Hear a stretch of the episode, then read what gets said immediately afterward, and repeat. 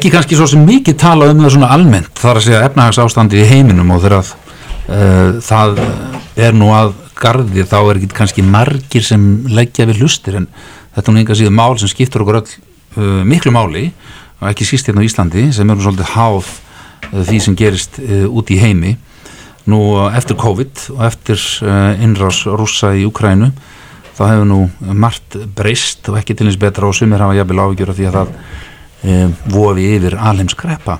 Ætlum að velta svona bara vungum yfir þessu og hver staðan er og hvert hlutinni geta farið og þróast raunverulega og hvaða myndir eru í gangi, svismyndir og hvernig við getum bröðist við því hér. En Anna Refna Ingimendadóttir, hún er aðstofa frangotastjóri SA og hagfræðingur og Elisa Arna Hilmarsdóttir, hún er hagfræðingur viðskiptráðs. Velkona báðar. Takk fyrir. Er bara svona aðeins að velta vungum yfir þessu. Anna, hvernig, hvernig sér þú stöðuna? Í heimshagkjörunu? Já. Já, hvað maður eiginlega að byrja? Um, staðan í upphafi árs var kannski svolítið þannig að fólk var svona að fara að hafa trú á því að, að faraldurinn væri að vera búinn og óvisa tengt honum og svona framlegslu hnögrar og, og þannig. Mm -hmm. og svo þetta brestur á þetta stríð sem að býr til algjörlega ný vandamál. Og uh, í því samengi kannski helst að nefna verbulguna sem að er svona hefur verið að fara á flug víða. Uh, og það, það kemur auðvitað mjög misjaflega við lönd, við erum kannski að sjá helst uh, Evropalöndin í kring um, að vera fyrir áhrifum af því og þá sérstaklega kannski orkuskortur, hækandi orkuverð, hækandi ráveruverð, skortur í umsum nöðsina verum. Uh, en það hefur auðvitað afleitt áhrif bara á mörg önnur lönd í heiminum og þar með okkur. Þannig að þetta svona staðan var farin að batna eftir svolítið langt og erfitt tímabil en, en uh, nú eru aftur blikur lofti og um, gæti verið erfitt fyrir mörg lönd að sérst, glíma við afleðingar þessa þegar Mhm. kannski svegrumi var orðið lítið Mhm. og, og með þessari verbulgu þá erum við líka að fara að sjá fram á frekari vexta hækkanir. Já, menn Elisa, hvað segir þú? Já, ég tek undir það sem Anna segir, þetta er auðvitað að við vorum svona rétt einhvern veginn sáum ljósvenda gangana kannski, hann að beint eftir COVID en síðan kemur þetta algjör skellur og það er auðvitað þessi afleitu áhrif og þó að kannski að við hér á Íslandi, við erum ekki sko beintengsl við eins og Úkræni og Rúsland, þetta er aðeins 2% af útflutum vörum er að fara þangað Mm. og 0,5% af innflutningi kemur þaðan. En það er þessu afleitu áhrif sem að Anna talar um auðvitað.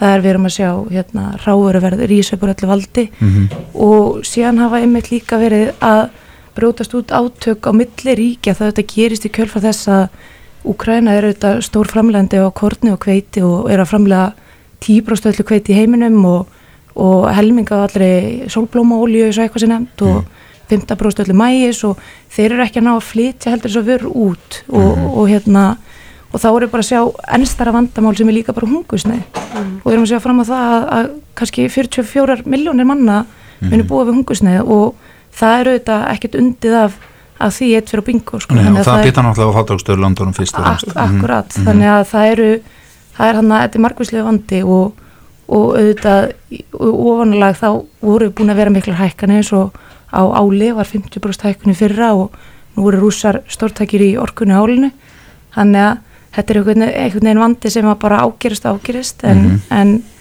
það eru auðvitað eins og Anna segði það, það eru við höfum verið að bregðast við með vaksta hækkunum og önnu ríki Mhm. Og þetta eru þetta bara alþjóðlegt vandamál, við erum að sjá það bara að verbulga er að hækka mikið allstaðir, hún er orðin hefur ekki verið herri í 40 ára það ekki rétt í Einmitt. bandaríkjunum Já. og, og aldrei verið herri frá, frá því að Evrópu, sem sagt, hérna Evrusvæðið var til í rauninni Já.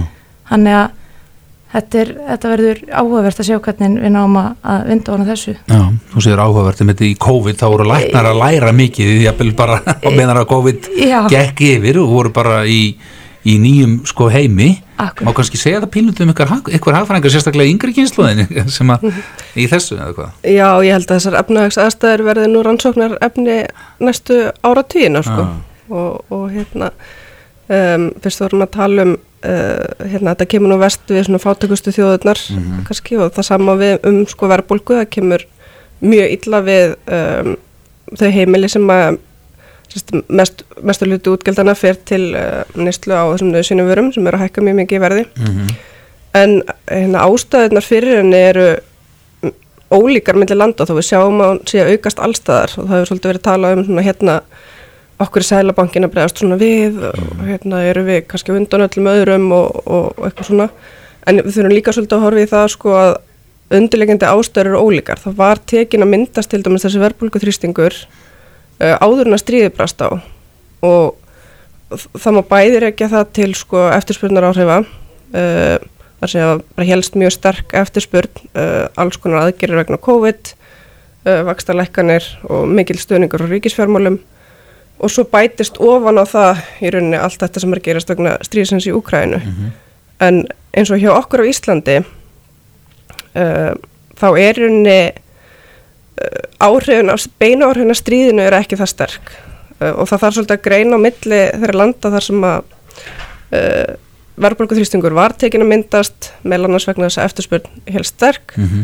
og svo þeirra landa þar sem er núna bara í rauninni orkuskortur, hækandi orkuverð þannig að það er alveg eðlilegt að viðbröðin sé ekki nákvæmlega eins Mhm. og að mörguleiti eigum við kannski meira sammeilegt með bandaríkjunum sem er svona ákveðin þrýstingur líka á vinnumarkaði sem er verið að reyna svona komast fyrir þannig að við lendum ekki í þessum aðstæðum sem við höfum oft lendi í áður svona Mhm. viksleverkun hækandi laun og verðlags Já, þannig að maður er alltaf að taka til til þess að þó að verðbólgan sé að aukast í rauninu allstaðar aha, þá eru undirliggjandi aðstæður uh, mjög ólíkar já, Já, við erum að sjá það einmitt að við njótum auðvitað góðs að því að vera hérna, með þessa endurnýjanlegu orkugjafa, við erum ekki að reyða okkur á orkuna frá Mhm. Rúsland, þetta er auðvitað líka bara þjóðaröryggismál Mhm. en hérna eins og Anna segir, þetta er náttúrulega gífuleg, gífuleg mikil eftirspurn og við hefum bara aldrei farið eins og áður fyrir jafn mikið til útlanda og við erum kortaveltanir bara hérna rísubur öllu valdi, mm Mhm. minnir hún að við aukist um 120% núna síðustu tölur á milli ára þannig að þetta er auðvitað sérstakt ástand hérna það sem við erum að glíma við Mm. mjög mikla spennu en hérna mjög mikla verbulgu og þetta er auðvitað ólíka áferðin á þessu á milli landa, Mm. þetta er alveg, alveg rétt sko. Menn hafa nú deilt um aðgerið Sælabankans núna eins og varst að tala um Mm. Eh, svo var nú bara í fréttum núna í vikunni að, að þær aðgerið væri farnar að býta væri farið að, að kólna eins og fastegnamarkaði getið tekið undir það sýnist ykkur það? Eða er það ástæðan fyrir því að það farið að kólna? Sko það er, ég held að sé, þetta er, er alltaf þessi stór spurning.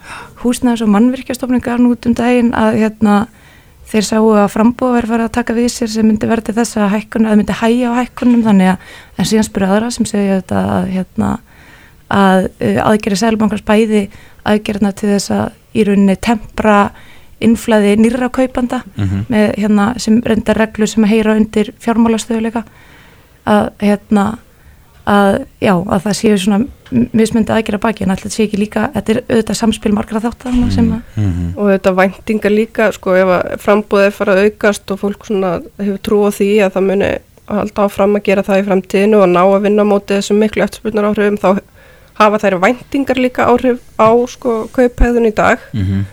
En það eru auðvitað ennþá mjög mikill hækkunartaktur á Mm. fastegnumarkaði það, það eru auðvitað ekki uh, sjálfbærar þessar hækkanir á einhverjum tímpunktu þar mun draga úr þeim sko Mhm.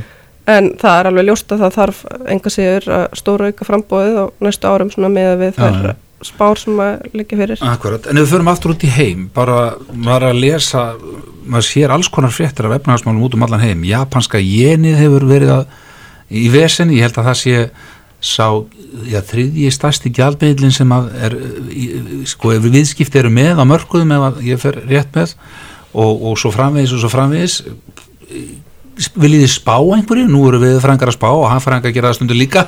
E eða bara er ekki hægt að spá um framhaldið með hvernig staðan er?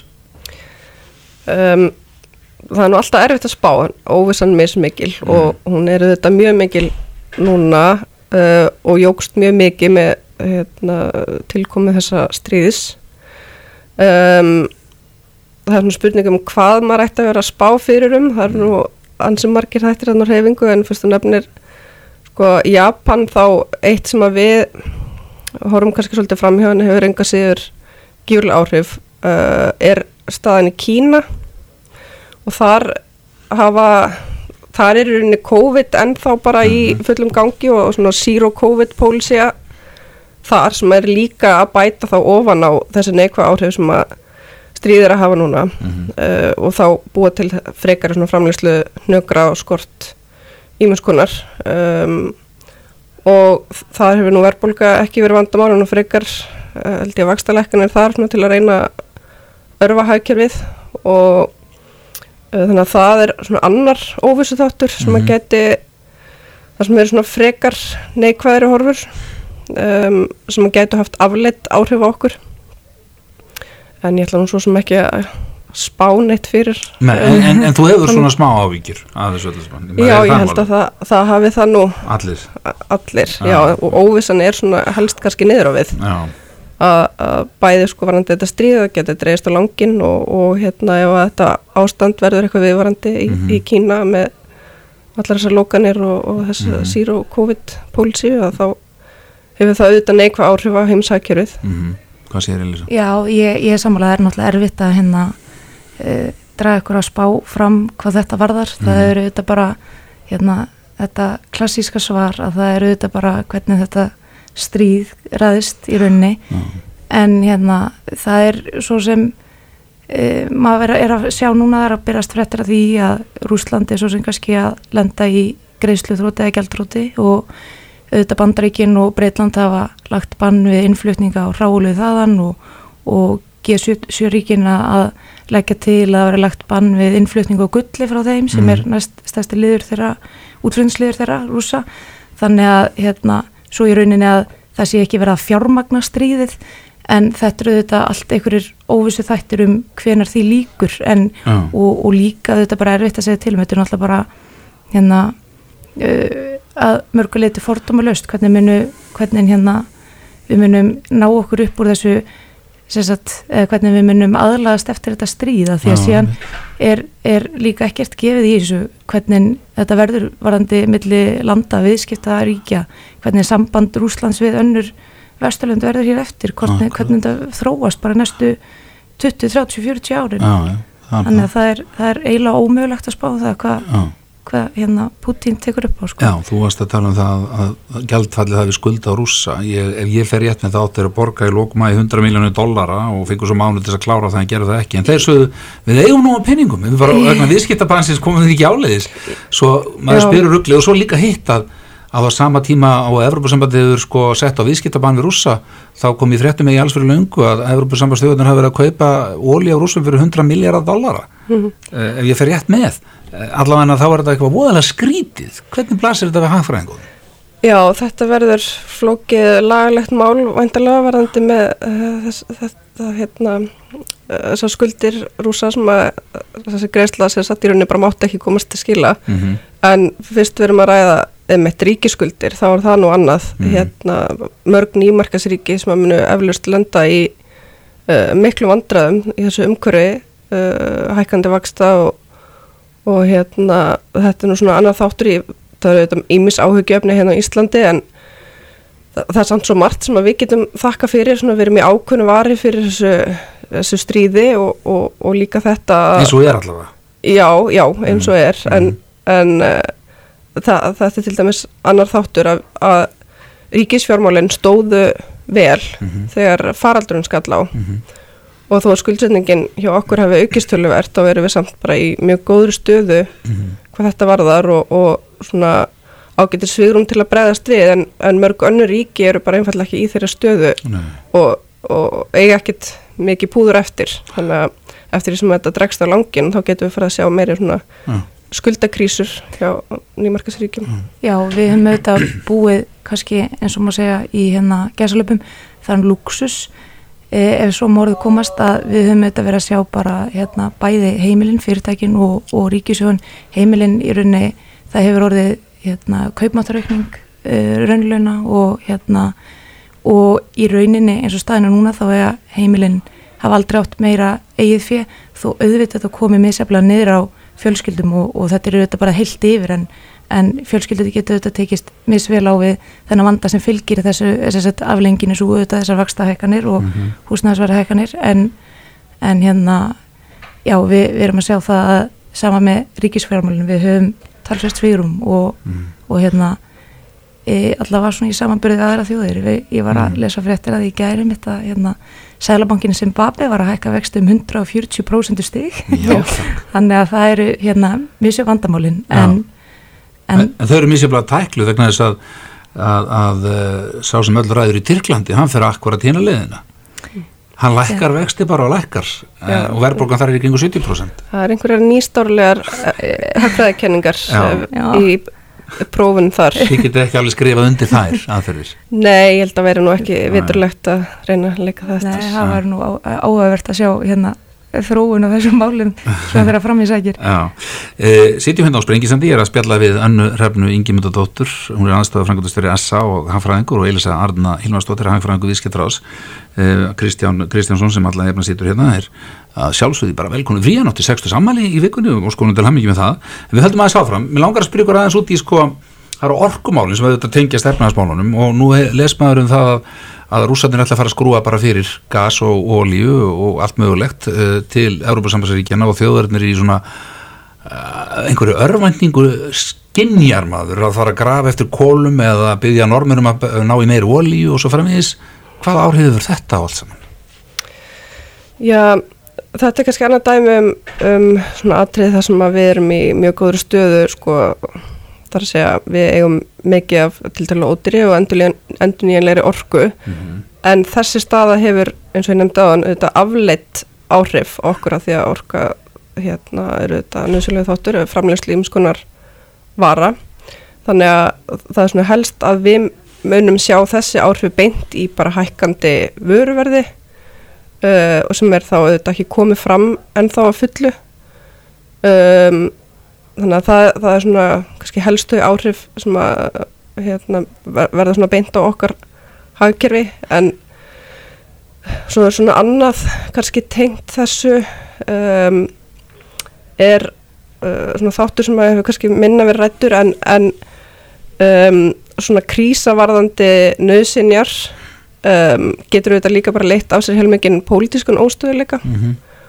Og það er svona áhugið þáttur sem maður er farin að heyra af í vaksandi mæli Mhm. bara frá sko, fólki sem er í viðskipt umhverfunu erlendis Mhm. það snýst ekki bara um sko, verð Mhm. á orku eða ráfurum eða uh, öðrum varningi heldur svona uh, bara almennt og þá bara vaksandi urgur meðal almennings og pressa og stjórnarmenn þess vegna Mhm, já, mhm. og bara svona, það geti leitt til mjög svona ó, óheillavænlegar þróunar í, í bara stjórnmálum já, og það eru þetta hérna tölvert ágefni. Mm. en síðan er- eins og enn og aftur þá er þetta einhverjum hérna þá er þetta háð ýmsum þáttum. Við sjáum það var mikið fagnarefni að, að OPEC-ríkin voru gáð út í byrjun júni að þau myndu auka ólíuframlýslun sína í júli-ágúst frá því sem var áður ákveðu og samþygt þannig að það er líka spurning hvernig aðri bregðast við þessum fréttum hvernig hérna aðra þjóðir standa saman Mm hversu mikil áhrifin verða en auðvitað eins og Anna segir þau verða alltaf, alltaf ykkur og þá svona afleitt áhrif. Já, COVID kent okkur ímislegt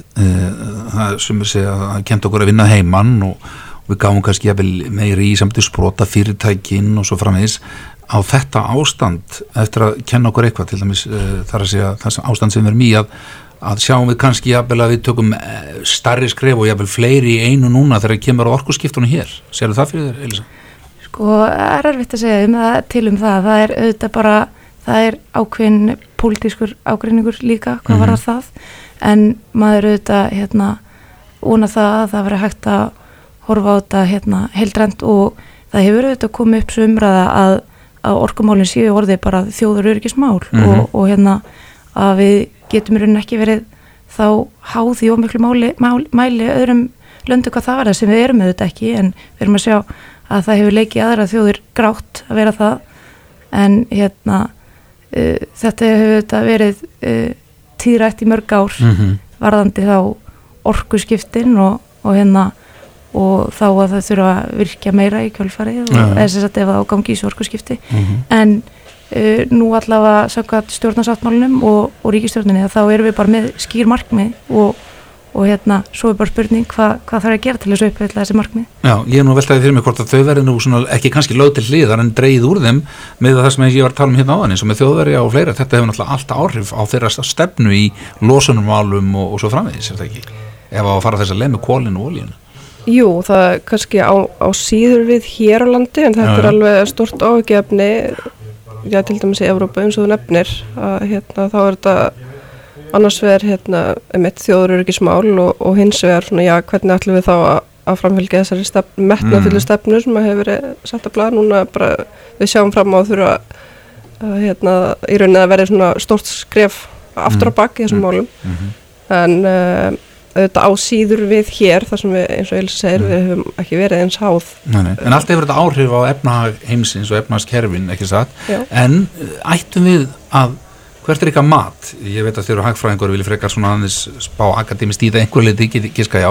Ættum við að láta þetta uh, okkur að kenningu verða sem er þá kannski að koma fyrir uh, löndis og Þískaland að vera bara alls ekkert háð öðrum með okkur, við erum að flytja í nólíu við þurfum að flytja í nólíu eins og sækistanda Já, þetta er, þetta er svona smá jafnvægi kannski sem að þarf að sko, að það er líka þar áhyggjur af því að það verði aukin svona verndarstefna og svona, já, lönd þurfa að vera sjálfbærum allt mm -hmm. við höfum þetta sé gífurlegar eh, framfarir bara í lífskjörum með svona miklum alþjóðaviðskiptum og sérhæfingu en auðvitað hefur það áhættur í för með sér sérstaklega þegar kom upp svona átök mm. um, en það þýðir nú ekki að við þurfum kannski að fara aftur hérna alveg í sjálfstöðstar búskap og hætta algjörlega að treysta á milliríkja viðskipti sko Mm en auðvitað er það bara Kannski með mjög olíu þó. mikilvægt já, en auðvitað er það bara mjög mikilvægt að búa við orku og fæðuöryggi það bara segir sér sjálft en, Já, já. en hérna við svo sem í ágætri stöðu hvað Já, það já. varðar Hvað segir þú, Elísa, bara, með? Við erum með í bara held í greiðlega góðu stöðu hvað Mm. það var þar og bara hérna allir við séum ekki hérna bestu stöðunni af þeim Mm. þjóðum sem við öfundsverða mörgu leiti Já, já, mm. algjörlega og, og líka spurning hvort að hérna við getum auðvitað nýtt okkur þá styrkleika sem við höfum og það er, það er þessi hérna orka sem við höfum en það er bara, þetta er auðvitað eins og ég enn og aftur pólitískur ágreiningu Já, líka já, já. en, en hérna við erum já í öfundsveri stöðu hvað hva þetta verður algjörlega það má alveg En, en þá kannski bara svona í lokin hingað heim, við höfum svo aðeins að vera að fælast um heiminn pílítið eh, hérna, Selabankin hangaði vextum daginn. Eh, við vorum aðeins að koma inn á það reyndar hérna áðan hvort það hefði haft kælingamátt á fasteignamarkaðnum, við veitum ekki alveg nákvæmlega. Var það rétt að hækka vextina, var það rétt að hækka á svona mikið, Elisa? Sko, það hafa auðvitað verið skipta skoðunar því. Þetta eru skarpar hækkanir, þetta er hérna eh, 100 púnta núna og 100 púnta síðast og síðan eh, held ég að sé nú bara líka ekki á milli hluta, það verður hækku núna aftur 24. ágúst, hann gaf það nú alveg skýrti skínan áskeir en uh, og, og í rauninni segja þau í sælubankunum, á, það er margar ástæðar að baki, það er, auðvitað, það er meiri þensla og meira hagvustur heldur en var ráðgert, Mm. gert ráð fyrir. Og við erum að sjá þessa spe- spennu á vinnumarkaði, það, hefur, það var síðast jafn mikil eftirspurn eftir hérna, fólki sem sagt í vinnu 2007 og við erum að sjá einmitt mikla óvissu hérna á alþjóðamörkum og það eru ímsi þættir og verbulgu væntingar það er uh, mikið ágefni hvað þær hafa hækkað Mm. bæði uh, meðal markasala, fyrirtækja og einstaklinga svo hérna þessi hækkun er að mörguleiti skiljanleg en auðvitað er hægt við því að við séum að bræðast pínu kannski seint við Mm -hmm. þó að sé auðvelt að hérna, e, það er auðvitað bara tími sem leiði það í ljós og hérna svolítið skemmtilegt hugtak sem, hugtak sem að áskja nota það er auðvelt að vera baksýnis spekla hagfræðingur þannig að það er kannski auðvelt að vera vitur eftir á en, Mhm. en hún er að mörguleiti skiljanleg þessi skarpa hækkun sérstaklega til þess að bregðast við hækkun á verbulguvendingum sem hafa verið, þær hafa hækkar hatt Mm. og, og en hérna einhver síður að þá er spurning við erum auðvitað að stemma stegu helsti liður verbulgunar er þetta húsnæðsverði sem Mm. hefur hækkað um 24% Mm. hérna á ársbasis Mhm.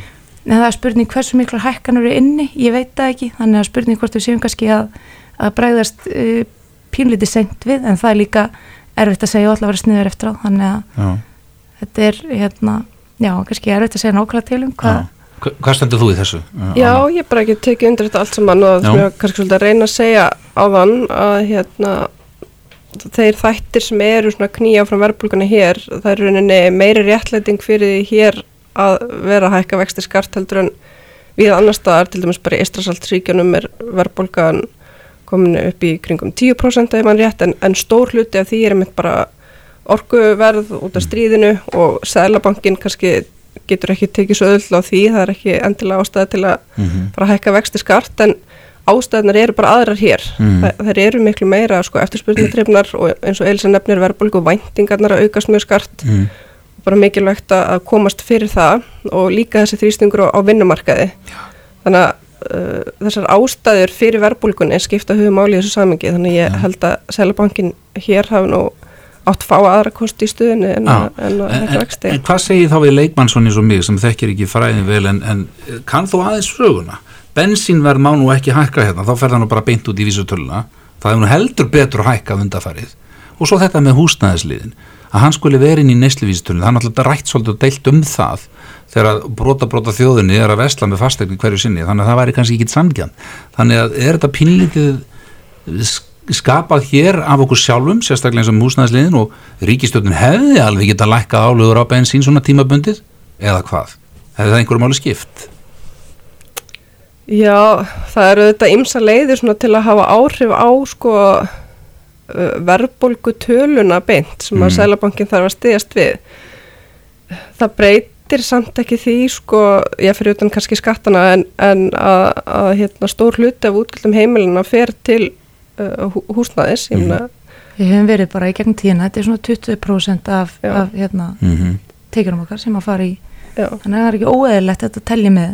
Nei það var eitthvað skjóðulegt að mynda ekki gera það Já, en kannski spurning hvort að húsnæðis verð ætti að telja með kannski partur að það ætti að telja með skiptir það einhverju máli? Síðan eru þetta spurningum hvernig húsnæðisverðið er reiknað inn í vísturna, mm -hmm. hérna eru við með þryggja mánu að hlaupandi meðaltal Já. þannig að hækkanir rata strax inn í verðbólgunum. Og, og hækkanir segir margir í bóði stjórnvalda vegna sem það hefur ekkert verið húsnæði til og loðir að skorna stafsi. En, en á, aftur á móti gætu það í rauninni líka verið rauk fyrir því sko húsnæðisverð hækkaði mjög skart á stutnum tíma og það var nú svona flestra mati uh, helst vegna mikill að vaksta lekkana. Þannig að það mætti líka segja mögulega hafi verið gengið ofur langt í þeim efnum sem hafi haft þessi... En síndi það ekki líka fram á þörfina? Það var bara fullt af fólki sem þurfti að komast inn á markaðin og fólk sem komst ekki inn á markaðin fyrir þá. Það er bara efnaði. Já, þetta er snúið fræði, hann fræðin það er líka auðvitað fólk að hérna, selja okkur búin nýtt, þetta eru alls konar áhrif þetta er auðvitað hérna, frambóðskortir, þetta er aukin eftirspurð það sem gerðist líka er náttúrulega að ráðstöðunatekjur jökust mm -hmm. mikið, mm -hmm. þannig að fólk að færa sér líka í starra mm -hmm. jáframt, þannig að það er hérna, mhm. kannski ekki eitt, eitt rétt svar í þessu Nei, en, en við allavega, ég, sko, það hefur verið týrætt með þessa, þennan húsnæðslið en uh, sko það er líka margar leiðir eins og að þann til þess að reikna enn húsnæðslið inn í vístöluna mm -hmm og hérna það hefur nú verið talað um það og ásker sjálfur hann í framtíð íslenska peningastefnu mm. um að kannski að taka upp aðra hérna uh, aðferð við að reikna hérna húsnæðislegin inn þannig að þetta sé ekki á þryggja mánu hlaupandi meðaltali. Þannig að þetta sé kannski tekið við stærra tímabill En sko þert á það sem margir halda hefur endar húsnæðisliður en frekar dreyið úr sveplum við verbulgu Já, í gegnum söguna. Í gegnum tíðan Já, við förum ekki mikið lengra en, en, en sko eins og ég segi, ég er nú stundu grínst með, grína, verða að grínast með ykkur hægfræðing og eðafræðinga sko, að þið eru að spá og spekulera líka. Og ég ætla samt að byggja ykkur um að spá aðeins það er möguleg, það er kannski eh, ekki sangjant en svona áður við hættum þessu, eh, bara byrjum við þér hana, hvernig, hvernig sér þið fyrir sem bara næstu tólum mánuði? Já, það fyrir nú bara miklu litu eftir því hvernig við bræðumst við þeim uh, aðstæðum sem að eru uppi og þá Uh, en oft kannski tala um þess að þrjá arma hagstjórnar, það er að Sælabankin, uh, eh, Ríkisfjármálinn og, og vinnumarkaðurinn. Mm -hmm. Þannig að það uh, efnaðisframindan fer bara miklu leiti eftir því hvernig þessir aðalar breyðast við. Viltu sjá einhverju sérstakar aðgerði núna sem ekki hafa verið framkvæmdar? Ég get ekki sagt einhverju sérstakar aðgerðir, heldur bara svona almenna skinnsemi. Mm og ég held bara að það, það er að koma fram í konunum, ég held að svona efnagslu stöðuleiki skipti fólk uh, bara mm. miklu máli. Um, þannig að það verði ekki farið út í neitt hérna, neina svona öfgafullar aðgerðir á, á, hjá neinum af þessum örmum sem ég nefndi. Mm. um, og í rauninni bara allir svona leggjast á, á sömu sveif við að ná tökum á þessari verðbólgu að því marki sem hægt er, þar að segja þessi þrýstingur sem er hérna innanlands kannski að helsta sem ég myndi vilja sjá er bara aukin íbúða uppbygging Já. til að uh, tryggja húsnaði fyrir uh, mm. alla á viðránlega verði. Ég held að við sjáum líka fram á megin hérna, innflutning fólks næstunum Vinnuafls þá. Fyrst sérstaklega eitthvað, fólk flutt inn eða kemur það- sérstaklega til að vinna þá það er sannanlega þörf fyrir það. Já, að við sækjum það, þetta spá því að við komum til að sækja það Já, það er allavega, ef við ætlum að, að upplifa þann hagvöxt sem að væntingar standa til, þá er alveg ljóst að það þarf, við munum þurfa nokkur þúsund manns uh, svona í uh, fjölbreyttum atvinnugreinum til Mhm. að koma hingað og svo er þetta líka von á flótta fólki frá Mhm. Ukrænu, þannig að það er alveg ljóst að það þarf húsnæði fyrir þetta fólk Já, og hérna, þannig að það þarf uh, stórauknu uppbyggingu ef við ætlum að ná að tempra þessar verðhækkanir eitthvað. já, er En þú, hvernig spáir þú þessu, næstu ég, ég hérna tek undir hvert ár sem að annars að þetta er auðvitað það sem er kannski mikilvægast í þessu núna er þessi þrýr armar að þeir spila allir saman.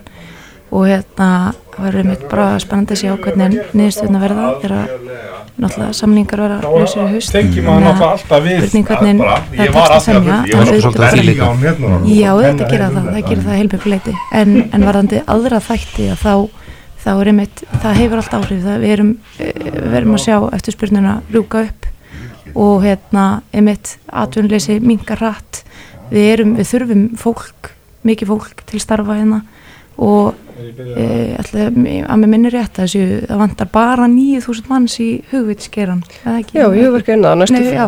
fimm árum eða svo. Það var, Akkurat, og þetta er bara hérna einn ein ángi á stóra vandamálinu þannig að við þurfum auðvitað að fá fólk hinga til landsins en þá auðvitað þarf að vera hérna í búðhúsnaði fyrir það. Þannig að kannski ef það, á að ráðast á eitthvað á rót, eitthvað vanda þá er það kannski íbúður uppbyggingi sem ég myndi líka kannski hérna eins og annan nefnir benda á að sé kannski hérna augljóst tækifæri til En grundvöldunum kannski fyrir því að, að þetta geti gengið upp alls saman?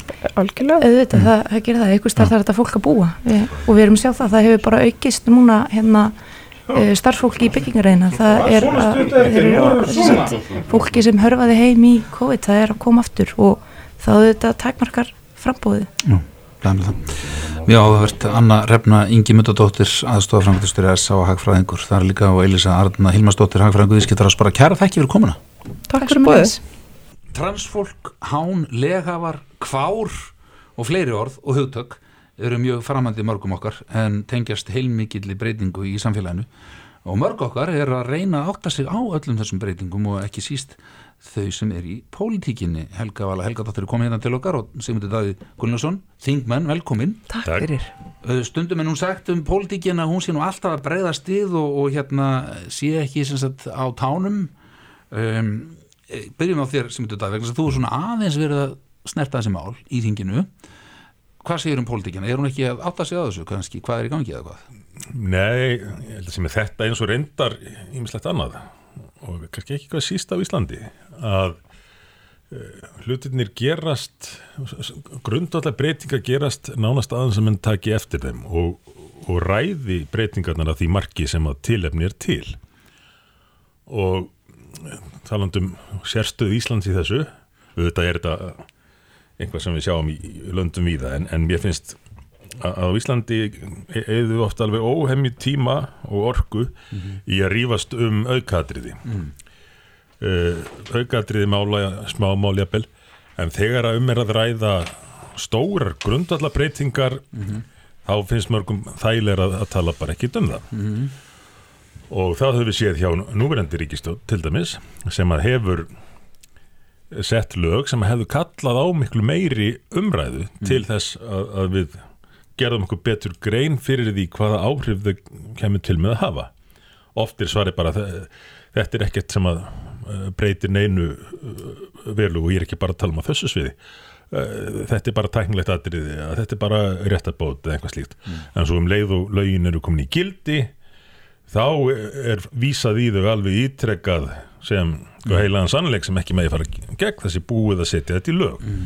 Þess að þegar að um er að ræða stór atriði þá fi- finnst mér við gætum gert miklu betur í að ræða prinsipin mm.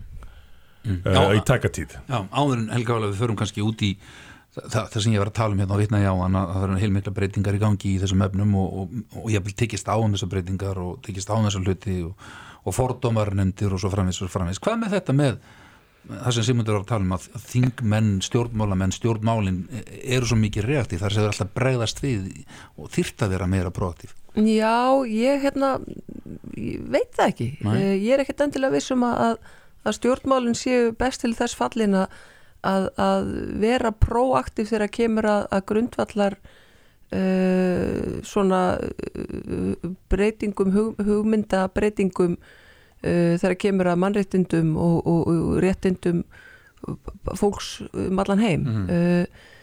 við erum auðvitað uh, svona í eðli okkar hérna, sem, sem löggafinn til dæmis erum við svona bísna íhaldsum og ég er ekkert endilega vissum að, að svona uh, hinn hin, hin baráttu glaði aktivismi uh, hérna ég er ekkert vissum að, að, að sko hann er að vera elda stjórnmálin ég held að hann hljóti að vera, vera sá sem að riður brautina og við séum sporgöngum henn við, við uh, fylgjumst grant með uh, því hvernig þjóðfélagið breytist, hvernig samfélagið breytist mm -hmm. og, og þannig að ég held að það sé rétt að, að stjórnmálin séu hérna mjög meðvitið um alla samfélagsþróun Mm -hmm. en séu ekki endilega uh, sá sem að eh, svona ítir enn úr vör af því, að, að, að því þá getur blandast inn í það uh, já, alls konar aðrir kvatar Mm. og, og hérna sem- sem- eða já, svona Mhm, mhm. hagsmunir Mhm. sko, sem, að, sem að ég er ekkert endilega vissum að, að sé þó að við séum þverskurður samfélagsins eða eigum að vera það Mhm. uh, þau sem að, sem að velja sem kjörnir fulltrú að hverju sinni en þá, þá held ég að, að við hljótum alltaf að verða að hlusta á samfélagið og hvað er að gerast þar? Já, Helga Vala kemur hérna inn á ágætlega það sem að ég tel vera einn helsta vanda, ég vil helsta vanda stjórnmála nú til dags. Uh, þetta er bara einn ein hlið á því en vandi stjórnmáluna felst í því að stjórnmálamennir eru stöðut að gefa frá sér vald og með því eru þeir að gefa einhvað sem þeir eiga ekki. Því að kjósendunir eiga valdið líðræðis fyrirkomulagi gengur út á það að kjósendur geti ráðið því hvernig landinu er stjórnað og hvað telst eðlilegt í samfélaginu og hvað ekki. Og ef einhvað sem hefur talist uh, eðlilegt frá landnámi eða, eða, ef einhvað sem er bara vísun í, í starindir, í vísindi ófrávíkjanlega starindir ef menn vilja breyta því þá verða stjórnmálamenn að gera það í krafti umbóðs frá kjósendum. Þeir geta ekki gert það með því að fela einhverjum aktivistum afmörkuðum hópi á tilteknu sviði hvaða svið sem það er að skrifa fyrir sig lögin eins og hefur gerst. Og eins og er að gerast Já, tala um. eins og er að gerast. Eins og hann er að og, segir, já. og Helga Vala lýsir því að þetta sé bara jákvætt að einhverjur utanakomandi svona leiði stjórnmálun áfram. Mm. en þá erum við ekki með líðræði þá getur almenningur ekki ráðið því hvernig landinu er stjórnmál Í hvað er það að vitna þetta? Bara svona áður en að Helga vala þetta Þa, það má vísa í, í uh, mörg mál, ég myndi segja flest mál þar sem það er gerast að stjórnmálmenn að gefa eftir vald. Mm. Uh, og, og við, við sjáum það bara þegar ný ríkistóð tekur við núna eins og Mm. bara þessi þegar hún tók fyrst við. Meiri hlutin af málunum sem hún laði fram í fyrstu þingmálaskranu sinni, meiri hlutin máluna voru mál frá ríkistóðinu undan. Það var bara vegna þess að það voru mál sem höfðu orðið til í kerfinu. Svo kemur nýr ráþyra og sest við ráþyra borðið sitt í ráþyra stólinn og alveg gláður að vera komin með þetta embætti og það kemur inn starfsmæður og hann stjóri eða annar og setur blöð á borðið fyrir framann og útskýrir þú þetta að leggja fram þetta og þetta og þetta og þetta mm. því að forverðið náðu ekki að klára það. Og stundum er þetta mál sem að verða eh, sem, að- sem að svona aktivistum ákveðnum sviðum er falið að uh, búa til. Oft er þetta mál sem að uh, sérfræðingar í ráðunittunum skrifa En getur ekki vísað á einhver tiltekin mál eða ertu með eitthvað í huga? Já, eins og ég segi, þe- þetta á við um flest mál nú til dags. Bara- en, en, en ok. til dæmis þetta sem, sem þú ert að svona opna þér þáttin á. Uh, mjög svona viðkvæm mál, það er nú kannski ofnótað nú til dags, viðkvæmt uh, þegar menn vilja ekki að, að einhvað sér rætt.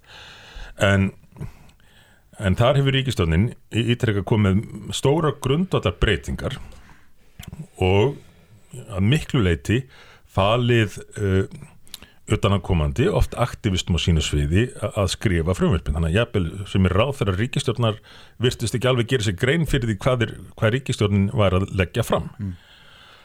uh, lesa á, á svið, sviði réttindamála, þa, þá er gætnan ákveðnum hópum falið að skilgreind og þá kom upp vandamál eins og við sjáum núna með, með ákveðna árekstra milli uh, kvenréttinda. Já, sem viljum að fara kannski aðeins í. já, já, Og, og, og annara já, En þetta er bara eitt dæmum Já. mál, þetta, þetta er alveg yfir sviðið.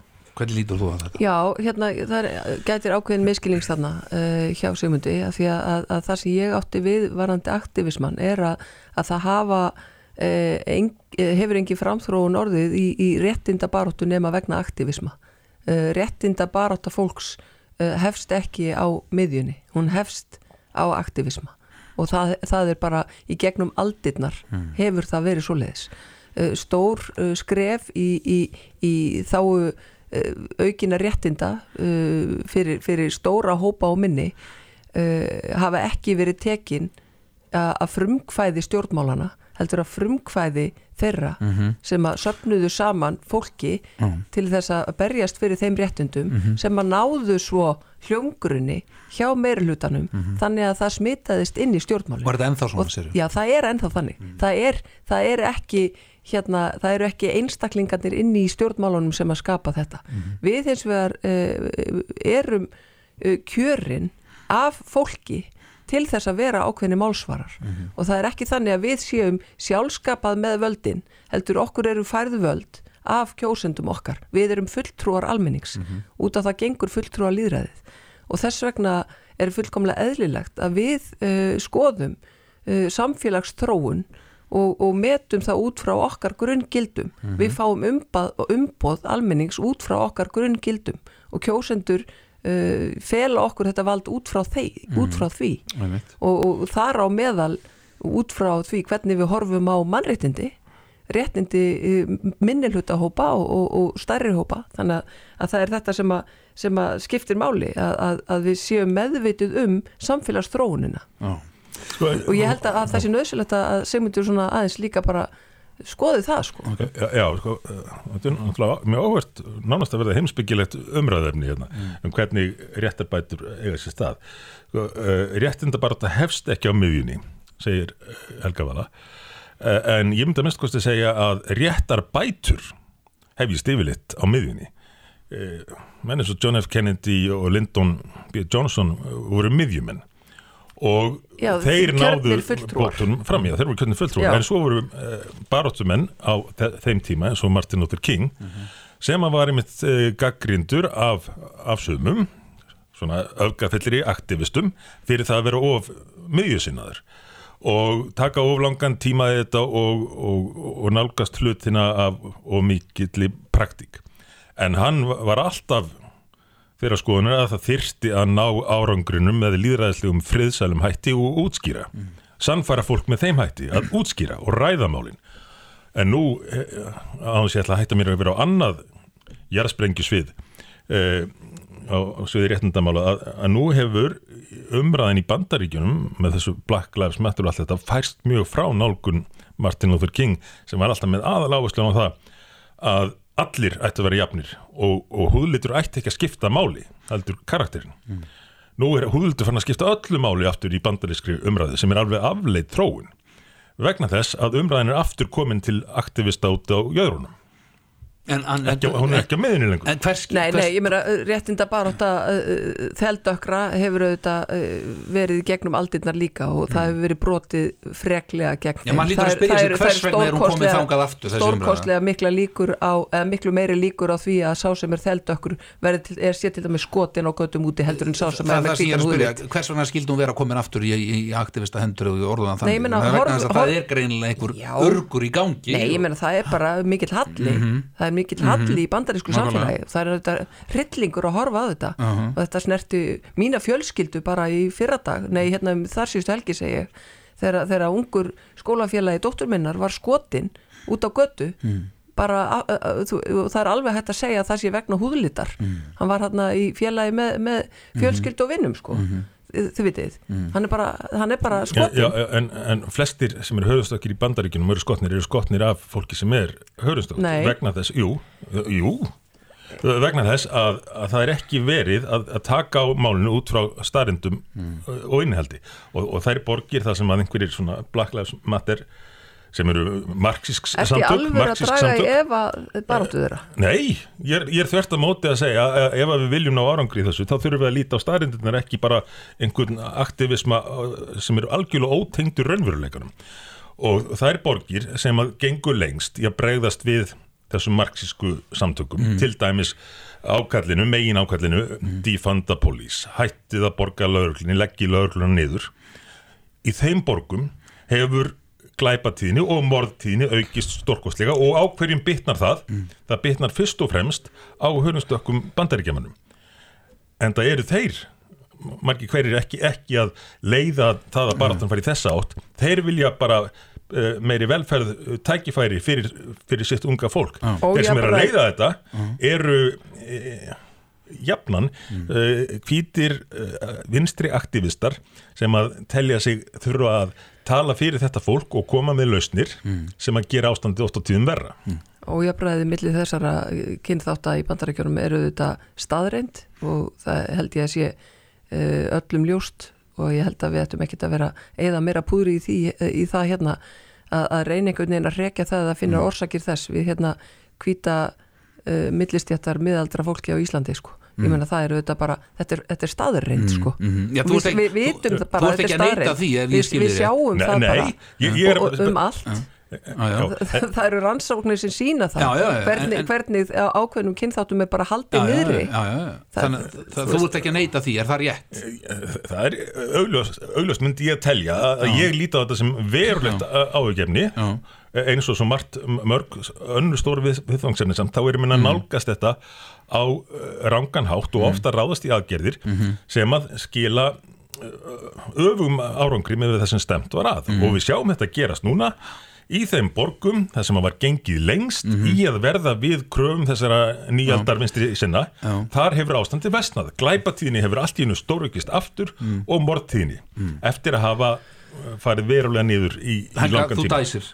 Já, ég, hérna, við, við vorum líka að tala um hins eginn baráttu Já, ég að- ég ætla að fara Já, út í fara það. þangað. Já, en þetta er bara staðrindir sko. Já, já. stundum er rétt að nota staðrindir og tölfræði til þess Já, að reyna já, að gera það þarf hlutunum að betur skoða, fara á dýftina í þessari umræðu, það þarf að skoða fjárframlug og, og þess áttar, það þarf að skoða uh, mönnun, lögreglu í ákveðnum svæðum þar sem að, sem að efnaminna fólk býr uh, versus þar sem að ríka fólki býr Mhm. uh, uh, þegar við förum yfir í kostninga uh, eða kjörsókn þá, þá má sjá hvernig hallar mjög á Mhm. uh, efnaminni hverfi og þetta á sér stað út um allan heim Mhm. þar sem að kjörstaðir eru minni uh, það er þrengra, það er færra starfsfólk þannig að það er erfiðari fyrir fátækt fólk að koma á kjörstaði Mhm. heldur en efnameira fólk ég meina, við erum með þetta bara út um allt Mhm. það er alveg sama hvar við komum, komum við og svo eiga þessir einstaklingar síður fulltrúa meðal hinna kjörnum fulltrúa Mhm. vegna þess að þeir komast einfallega ekki til að kjósa sína fulltrúa inn Mhm. af því að það er bara ekki gefið nógu mikið uh, frí það er kosið til dæmis í bandarækjunum á.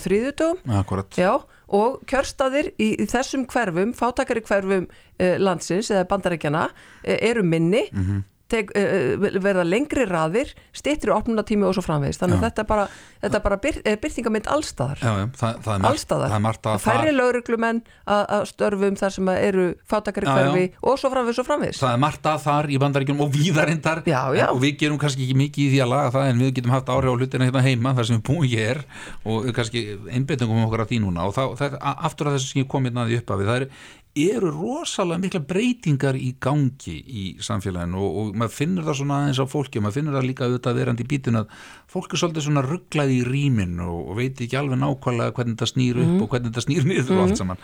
Eh, og þá er ég að tala um þessi sko hugtök og orð sem við tölum sem eru algjörlega ný fyrir okkur transfólk, hán, leghafar og svo framvegis.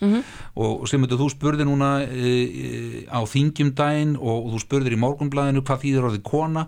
Þú varst að fá, vildi fá skilgrinningu á því hérna hjá forsættisraðunitinu, ég tók rétt eftir. Hva, hvers vegna spyrða þessu? Í, í fyrsta lagi vegna þess að þetta virðist vera á reiki í umræðin, umræðin núna einhvað sem að menna hafa nú samt vitað frá, frá örugu alda en eins og svo margt annað sem að var vitað þá er verið að reyna að örugla það einhvað eins og annað. Uh, og það skiptir máli hvernig fórsetis ráðunettið og ríkistjóðin skilgrina þetta orð vegna þess að það hefur áhrif á lögin og það hefur áhrif á framkvæmd þeirra. Og við höfum séð frá þessari ríkistjórn koma laga frum vörp þar sem þetta virðist ekki alveg vera á hreinu og jafnvel þversagnakend lagafrumur, hvað var þar hugtakanótkun og, og uh, skilgreiningar. Svoleiðis að ég held að sé betra að, hafa þetta á hreinu uh, því að þetta er e- enn eitt dæmið um það sem við komum minna á hérna í upphafi. Stórt mál sem að menn reyna að komast hjá því að uh, ræða, þanga til að þeir eru búin að klára löggjöf sem að kann að vera byggð á sandi. Uh, réttindi kvenna eins og önn önnur mannréttindi uh, er einhver sem þarf að verja. Og hafa, hafa náðst uh, á, á löngum tíma með mikill í baróttu og kannski finnst einhverjum óviðegandi að ég sé að tala um réttindi kvenna eða ég sé að tala um réttindi hörnustökkra eða annar hóp en ég tilheri en ég þeirra skoðunar að við hefum að líta svo á að allir einstaklingar séu jafn réttáir og allir eigi að hafa ágjur af réttindum allra hinna mm. uh, en, en það þarf að verja þessi réttindi og við, við sjáum það í, í útlöndum núna, það sem að þróunin er aðeins lengra komin allavega svona samfélagslega þó að lagalega sé Ísland nú að þessi ríkistun alltaf að reyna að setja ykkur með sem kemur svo í ljóð síðar að þar verða feministar og aðrir jafnrétti sinnar bara fyrir verulegu aðkasti fyrir að tala um réttindi kvenna. Frægasta dæmið er kannski J.K. Rowling sem er nú líklega vinsalega styrjatöfundur heims sem bara leiði sér bara á Twitter að minna á það að það væri til orð yfir þess einstaklinga, mm. það orð væri kona þegar að farið var að notast við einhvað eins og leg, hafar og fólk sem hefur tíðir og einhvað svona rugl þá, þá, þá benti Rowling bara á það er til orð sem er alveg í gildi en það, það, það orð er kona. Mm. og um, síðan hefur þetta verið rættölvert og, og margir jafnleiti sinnar eða feministar lent bara í alveg ótrúlegu e, skýtkasti fyrir að leifa sér að, að benda á þetta. Og hefur því að þetta sé hér að, að skjóta rótum þá eða hvað? Já, ma maður sér að þetta er að skjóta rótum hér því að mm. einhver sem að segir einhvað svona common sense af almenni skynsemi í þessum málum á að hættu að fá yfir sig hólskeplu þó að þetta sé kannski ekki komið á þann það er í ennskumælandi löndum sérstaklega en maður sér alveg hvað stefnið Íslandi yfirleitt eldir Bandaríkin og Breitlandi í, í svona þróun mm. Uh, en, en þegar, að, þegar við förum að ræða þetta af alvöru ja. þá verður Ríkistunni búin að setja alls konar lög sem að hún mun vísa í byttið þetta var nú allt samþitt á sínum tíma það má ekki lengur tala um móður, það má ekki lengur tala um konur Helga Vala, hvað segir þú? Já, ég held að það sé hérna, mjög mikilvægt að við ræðum þetta í þaula og ég held að sé Uh, ekki síður mikilvægt að því fjölmeila fólk uh, fjallið mikið um þessa stöðu mm -hmm. uh, hins eginn fólks og kynns eginn fólks af því að, að við þurfum að fræða og við þurfum bara að standa saman í því bæði við stjórnmálafólk og, og, og fjölmeila fólk mm -hmm. af því að það er einmitt með fræðslunni sem að við útrýmum fordómum eða allavega mingum fordómana mm -hmm. þannig að þess vegna er það bara ég tekka undir með, með segmundi að, að umræðan er svo sannarlega þörf Uh, á, á, á vettvangi bara hvar sem er, fjölmjöla mm. stjórnmála hvar sem er uh, varandi skilgreiningu orðinu kona þá, þá er það alveg ljóst hvað er kona það er, það er uh, mannvera sem skilgreinir sig sem konu mm. svo eru einhverjir sem ekki skilgreina sig sem konur og eru þess vegna ekki reyðubúnar eða reyðubúinn að vera ávörpuð sem kona ef að einstaklingur skilgreinir sig sem ekki sem konu þá hlýtur það að vera einstaklingsins að ákveða það. Þarna getur einhverjir átt erfitt með að skilja bara þetta. Af hverju? Nei, ég er að segja... Ég, meina skilja, þú veist, þurfu eitthvað að skilja það? Nei, ég meina... Er það ekki bara ef að, einstaklingur kemur til þín mm. og segir bara ég skilgreini mig ekki sem konu heldur sem, hán eða, hvað já, sem út frá líffræðinni sem við öll lært í skóla sko, þá eru við kall eða kona, þannig að þess að segja út frá því getur sumir átt einu sinni notum við líka setu í íslenskunni en, en það er kannski Nei, ég meina í alvöru já, já, það, þú sérst að segja bara að það eru breytingar og við verðum bara að taka já, því Já, við verðum bara að, mm -hmm. að taka því mm. og, og, og þú veist, ég skilgreini mig sem konu mm. og, og óska eftir því að vera, vera hérna ávörpuð og skilgreind út frá því sem, a, sem a er minnvilji -hmm. En ég ætla ekki að fara að, að þröngva einhverju upp á þig ef að þú vilt það ekki. Nei, nei. og það er ekki mitt að gera það. Nei, nei, en, það er mitt að, bara að, að útskýra og fræða uh, mannfólkið Mhm. og, og, og taka þátt í umræðu um þetta því það skiptir óbúslega máli. Mhm. af hverju, jú, vegna þess að það eru fordómar og þeir eru auðvitað fordómar þrýfast á fáfræði. Mm, það er þannig. Og, og, og, og yfirleitt þrýfast þeir á óta óta fólks um eitthvað einmitt sem að það skilur ekki. Já, já. og þá þurfum við að fræða. Já. og við höfum bara að taka því fagnandi en allri er, umræðu. ertu sammála með þegar ég segja að breytingarnar eru svo það eru svolítið örar, það hafa verið miklar í þessum efnum, þannig að það getur tekið smá tíma bara fyrir fólk að ná áttum í Já, þessu. já, það þurfi ekki að vera endilega fordómar, það bara lengi Já, átt já, að segja algjörlega, algjörlega. En, en við, þú veist, og þess vegna ég, ég er algjörlega sammála því að breytingarnar hafa verið örar. Mhm. og, og hérna og erfitt fyrir, fyrir miðaldra fólk að, hérna, að fylgja hvað þá eldra Já. en, en mann finnst svona eins og yngra fólk sé, sé meðvitara en það er engu að síður uh, leynast líka meðal Mhm. yngra fólks ákveðinu, ákveðinu svona ha ha hatturs orræða og, Já, hún er náttúrulega alltaf alls hún er bara í öllu Já, sko já, já. þannig að hérna Sérstaklega þegar maður fara að skilgrina allt sem hatur sumir, sumir hérna meina við hafa haturs orðræðu gagvart konum eða gagvart körlum eða gagvart uh, hins einn fólki Gagvart meðaldra hvítunkollum já, já, líka, líka því Já, já. skilur við, þannig að hérna bara algjörlega, En þegar maður fólk- sér það bara víða. En, en þetta með að, að, að skilgrina sig sko, gæti það hvað eru mörkin? Já, er einhver mörg, Nei, ég- ég- ég- verður að vera mörg?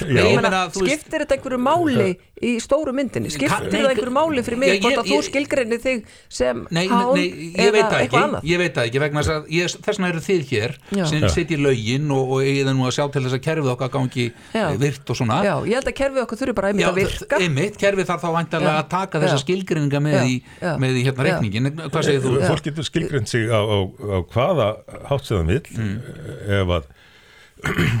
að auðvitað ef það er ekki ganga á, á rétt annar með því en ég er indrið skoðunar að einstaklingar er að frelsið til að skilgrina sjálfa sig Mhm. eins og þeir vilja en uh, það má ekki líta fram hjá því að hugtök eins og kyninsvö, karl og kona hafa ákveðna þýðingu í lögum þar með talið og í, í samfélaginu uh, Svoleiðis að ef þú ætlar að víkja frá lífræðinu og breyta, breyta því þá, þá þarf það að skoða ímislegt til dæmis í þessu tilviki sem að ríkistöndin enn og aftur glemdi að, að yfir höfuð að spá í eða ræða sína, sínalega setningu og er núna orðið stórt atriði í, í öllundum hvað áhrif hefur þetta til dæmis á íþróttir hvenna, hverjir mega taka þátt í hvenna íþróttum hvað áhrif hefur þetta á uh, salernis aðstöðu eða, eða sundlaugar eða, eða aðra staði þar sem að konur vilja fá að vera í neði hvað hefur, áhrif hefur þetta á fangilsi hver, hver eru settir í, hvaða fangilsi hvað áhrif hefur þetta á uh, þau hjálparsamtök sem að taka á, á móti konum sem að lenda í ofbeldi, heimilisofbeldi til að mynda?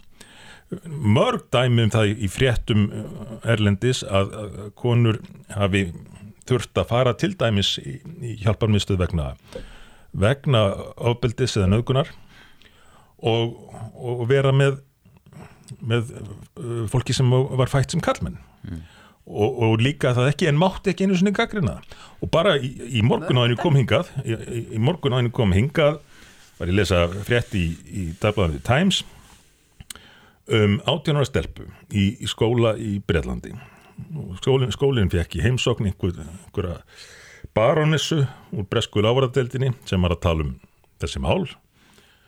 Hún var svo aktivist á þessu sviði og stelpan leiði sér að segja á fundinum í skólanum að hún teldi að það væru til kyn og það væri til konur og það væri til kallar eftir fundin þá uh, var hún umkringt af samnefndum sínum sem að hrópuð á hana og hrækt á hana þannig að leiði yfir hana en hún var forðaðinn á bókasafn skólans.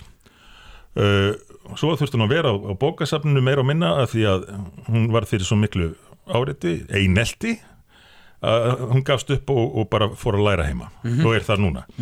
Svo leiðis að, að það er ekki ekki eftir að réttlæta árásir og einelti í nafni þess að menn sé að gera það í, í baróttu fyrir einhvern málstað. Einhver þannig hefur það alltaf verið þegar að öfgamenn ráðast á, á, á fólk. Þeir gera það alltaf í gera það í krafti þess að það sé að berjast fyrir réttlæti, rétt eins og svartklættu og grímuklættu menninir sem að ríðust á á, á feministana sem ég nefndi í, í, í grein í morgunblæðinu sem vildu bara halda fund til að ræða málumni hvenna og, og, og þeir ráðast að þeim og þær þurfa að flýja í tvígang. Já, Já, hérna það eru auðvitað ekkert sem réttlættir ofbeldi. Uh, bara nokkur konar ofbeldi. Það voru tveir drefnir í Oslo um síðustu helgi uh, af, af manni sem að fyrirlítur hins eginn fólk Mhm.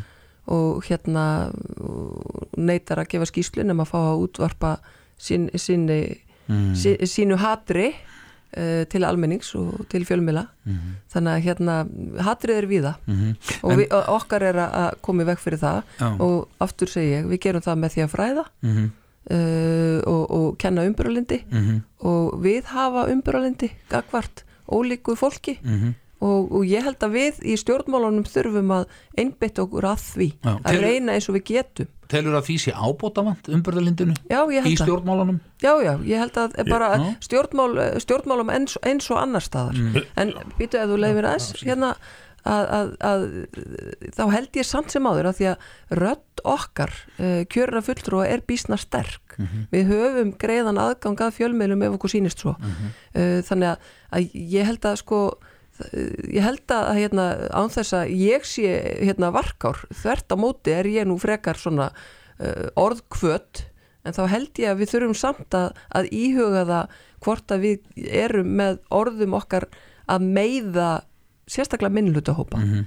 við þurfum kannski minna að hafa áhyggjur af þeim sem að hafa valdið og eru sterkir Já, já. en við þurfum að íhuga það hvort að við séum með orðum okkar að meiða fólk Já. sem að, sem að á undir högg að sækja vegna stöðu sem Akkurat, en þessar breytingar eru farnar að hafa áhrif á íslenskuna um, og maður heyrir jafnvel hjá fyrirtækjum og jafnvel stofnunum að nú eru einstaklingur er ekki lengur kallkynsorð heldur segja menn orðið jafnvel í ofnbjörnum textum þau einstaklingarnir og svo Já, þannig undir. að, að þá, þá er spurningin sko er þetta farið að hafa þessi óæskilu áhrif eða eru þau æskilu? Þe- þe- Þetta er bara ein afleðing og alveg klassísk afleðing, síkild, afleðing öfga uh, og, og leiðir út í allt, meðal annars út í málið.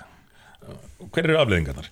Jú, maður fyrir að svona, eh, heyra því hvernig eh, fólk talar, hvort að tala rétt mál eða er viljandi að tala ránt mál, málfræðilega ránt, til þess að reyna að sanna sig sem liðsmenn í einhverju öfgarhefingu. Uh, og þetta er, eins og ég segi, þetta er ekki nýtt. Uh, aftur og aftur er manni hugsað til Orwells og 1984 það sem að einmitt það að endur skrifa málið. Breyta orðum, það er nú hluta af þessu. Alltaf, maður veit alltaf þegar á að ráðast til allu við einhvern málaflokk það búið til, til nýtt orði uh, breyta orðum, breyta málfærinu og svo framins til þess að geta betur stjórnað umræðinu og því hvernig fólk hugsar. Þannig að þetta er ískikileg þróun. Þegar þetta er komið það langt að, að það farið að breyta málinu og, og fólk verða svona að, reyna að sanna sig með því að, að tala rámt máli og sína þá um leið að það sé þáttakandi í baráttunni. En ég ætlaði ástæðin fyrir ég reynda að komast inn á hann og ég ætlaði ekki að grípa fram í eh, var að taka undir með helguvölu að ég tel að skortur á umburðarlindi sé mj- mjög verulegt vandamál í samfélögum nú til dags. Mér langar að koma inn á það aðeins og eftir. Já, ok. Já, mér langar að koma en mér langar líka að heyra þína skoðun á þessu þegar, það er- þegar tungumálinu kannski breytt svona. Já, já, og, meina, og við- ég held ég get ekki sko íslensku fræðinga að fá ílt í eirun þegar ég heyra þetta. Já, já. margir hverjir Já, allavega margir hverjir, Já. ekki, Ekki allir ekki allir, ekki nei. Eiríkur. Okkar, okkar, ekki, okkar mæti Eiríkur. En, en ég meina við erum til dæmis með orðið maður. Mm. og það hefur nú verið svona aðeins rætt um það. Þarna koma mennirnir. Mm. uh, var sagt þegar, að- þegar, þegar konur með barna var gengu yfir austurvöll. Mm. af því að konur eru líka menn en þegar við segjum þarna koma mennirnir þá eigum við aldrei við um konur. Mhm. ekki svona í daglegu tali nei. Nei, nei, en þetta er samt íslenskan okkar, hún er svona. Ma- Má ég aðeins, ég ætla ekki Þannig að tröfla bara smóvantum sem, sem líka þarna kemur lauruglan, hún lauruglan eh, þó að það séu bara kallar. Þú veist, eh, þegar menn eru komnir út í það að reyna að ruggla málið þannig að krakka vita alltaf hvernig þeir eru að tala þá erum við komin út í öfga Já, já, en ég held að þau vita alveg hvernig þau eiga að tala. Ég held að, að við þurfum ekki, fylgjandi- ég held að við þurfum, hefum, frekar af ágjur af okkur heldur um Jú, jú, krakkonum. en Þau ertu- eru svo ótrúlega opin og, og, og flink og Já, klár. en ertu Miklu fylgjandi, við. ertu fylgjandi þessari breyting á tungumáli sem vorum að tala um sem að sumir við að Nei, ég, meni, ég held að þetta séu, ég held að þetta séu svona, svona hérna, uh, ákveðin svona breytingafasi sem við erum í, þar sem að hérna, við erum svona, já, ég, sko, að, að við erum að máta okkur, mm. að að það, þetta er nýtt fyrir okkur. Mm. Það eru að koma inn mörg ný orð og við erum að reyna að gera uh, íslenskuna sem eru þetta alveg ofbóðslega kynju, miklu kynjaðri heldur Já, en já, mörg hún er það, tungumál. það er alveg rétt Já. hún er svolítið kall kynjuð Hún er það Já, já. og hérna og, og, að En því þannig leyti- lærum við og höfum lært hana Já, Já. en það er spurning hvort við viljum hafa hana svoleiðis um aldur og æfi þannig að, að ákveðin hluti Mhm, fólks, ákveðin hluti landsmanna uh, finnist uh, og tungumálið ekki eiga við um það. En er heyrt- það æskilegt? En Ég held það, að, ég að vil- því að þú segir æskilegt og Já, skil, og þá skil. segi ég sko, ég meina ég skil alveg að þið eigið erfitt með að, átt ykkur á því. Nei, nei. En, en það er samt þannig að það er skrítið að vera þeirri stöðu að, að, að mikill hluti orða sem er notaður uh, á ekki við um mig mér finnst það er, Nei, það er skrítin staða. samt er en- ég helmingur landsmanna. En það því að við erum svo mikið að tala um íslenskun og varðvita íslenskun og við erum eða fullt af peningum í Já, aldinni já, gangandi og, og svo erum við samt svolítið að taka hana aðeins út af þessum vagnir sem hún hefur verið já, á. en- en býtu, ég ætla að segja að ég hef heyrt það. Mm. ég hef get nána sagt, ég hef stað, get staðfesta að í sumum tilfellum þar sem menn hafa tekið upp þessa breytingu í, í, í texta, ofnbörun texta Mm. þá er það ekkit endilega til að lýsa stuðningi við einhvern málstað, heldur bara óta við að verða fyrir árásum. En það er líka þannig að, að það er alls konar ambögur sem að eiga sér stað í, í íslensku máli jafnvel opinberu íslensku máli Mm. það sem er bara bara, uh, hún- uh, það, er, það er bara ekki, ekki rétt ritað hreinlega. nei, nei. og maður heyrir þetta, mikið í fjölmiðlum og, og les þetta eftir að prófarkalesararnir einhvern veginn voru allir sendir út af rittstjórnunum að þá er maður stundum Já. hérna bara sípur kveljur og ég er alveg með hérna Svaldi Holm, vinkurum minni í þessu að vera hérna vera á, á, hérna á, á netinu alveg að fara að skrifa eitthvað á Facebook almáttugur með bladabönnin eitthvað. Já, já. hvernig, hvernig er hægt að skrifa Já, já. en, en hitt er svona tilröndi þróunar til þess að gera uh, tungumálið uh, meira kyn hlutlaust og ég held að ég held að það sé að En vinna góða. þurfum við þá ekki einhvern veginn að saminast um það frekar heldur en kannski svona ég veit það ekki, en mig langar að koma núna inn á þetta sem að Ég, ég verða hans að bæta Nú, já, já, ok. Því Þetta er svo mikið, mikið bullall, ekki það sem að Helga var að segja, ég er ekki að gaggrina hana sérstaklega, en þessir, þessar tilrunir til þess, þegar þetta gengur það vant, Mm. að menn fara að reyna að endurskrifa tungumálið og málfræðina og hvernig hún virkar. Og, og það eru kyn í hinnum ímsum tungumálum, í, í þýsku og rúsnesku og, og hinn og þessu. Eh, eh, En þe- þetta snýst nefnilega ekki um að leysa vandamál. Eins og svo oft hjá öfgarhefingum, þá snýst þetta um að viðhalda vandamálum og helst að búa til ný. Því að ef, ef þú leysir vandamálið þá ertu búin að missa eh, tilgangin þannig að það þarf alltaf að ganga lengra og lengra í að finna upp eh, vandamál eða viðhalda þeim sem fyrir er til þess að svona réttlæta baráttuðina og ég til dæmis, ég er einn helsta íþróttahetjan á mínu heimili. Ekki svo mesta en eins og helsta. Hetja kvenkins. Ég líti ekki svo á að ég þurfa að skammast mín fyrir að vera þriðja mesta íþróttahetjan á heimilinu af því það er kvenkins orð og að það nái þá ekki yfir mig. Þetta er allt komið út í einhver rögl þannig að það þarf að fara að ræða þetta af, af alvöru. Já, uh, sko, þegar að uh, maður er í, í þeirri stöðu að uh, heimurinn er mikið til miðaður út frá uh, uh, manns kyni uh, eða maður, uh, manns veruleika að þá hefur maður minni áhyggjur af svona hlutum heldur en þeir sem eru viðvarandi minn já, hlutum já, já, ok. Það er þannig. að, Uh, nú er ég ekki að, vil ég ekki meina að, að uh, jafnbreytis bara átt að kynjana sé, sé jafn hérna uh, mikil núna og hún hefur verið síðustu ára á tugi uh, við, við erum komin bísna langt en hérna en það eru, það eru áfram vörður sem við, við þurfum að komast yfir.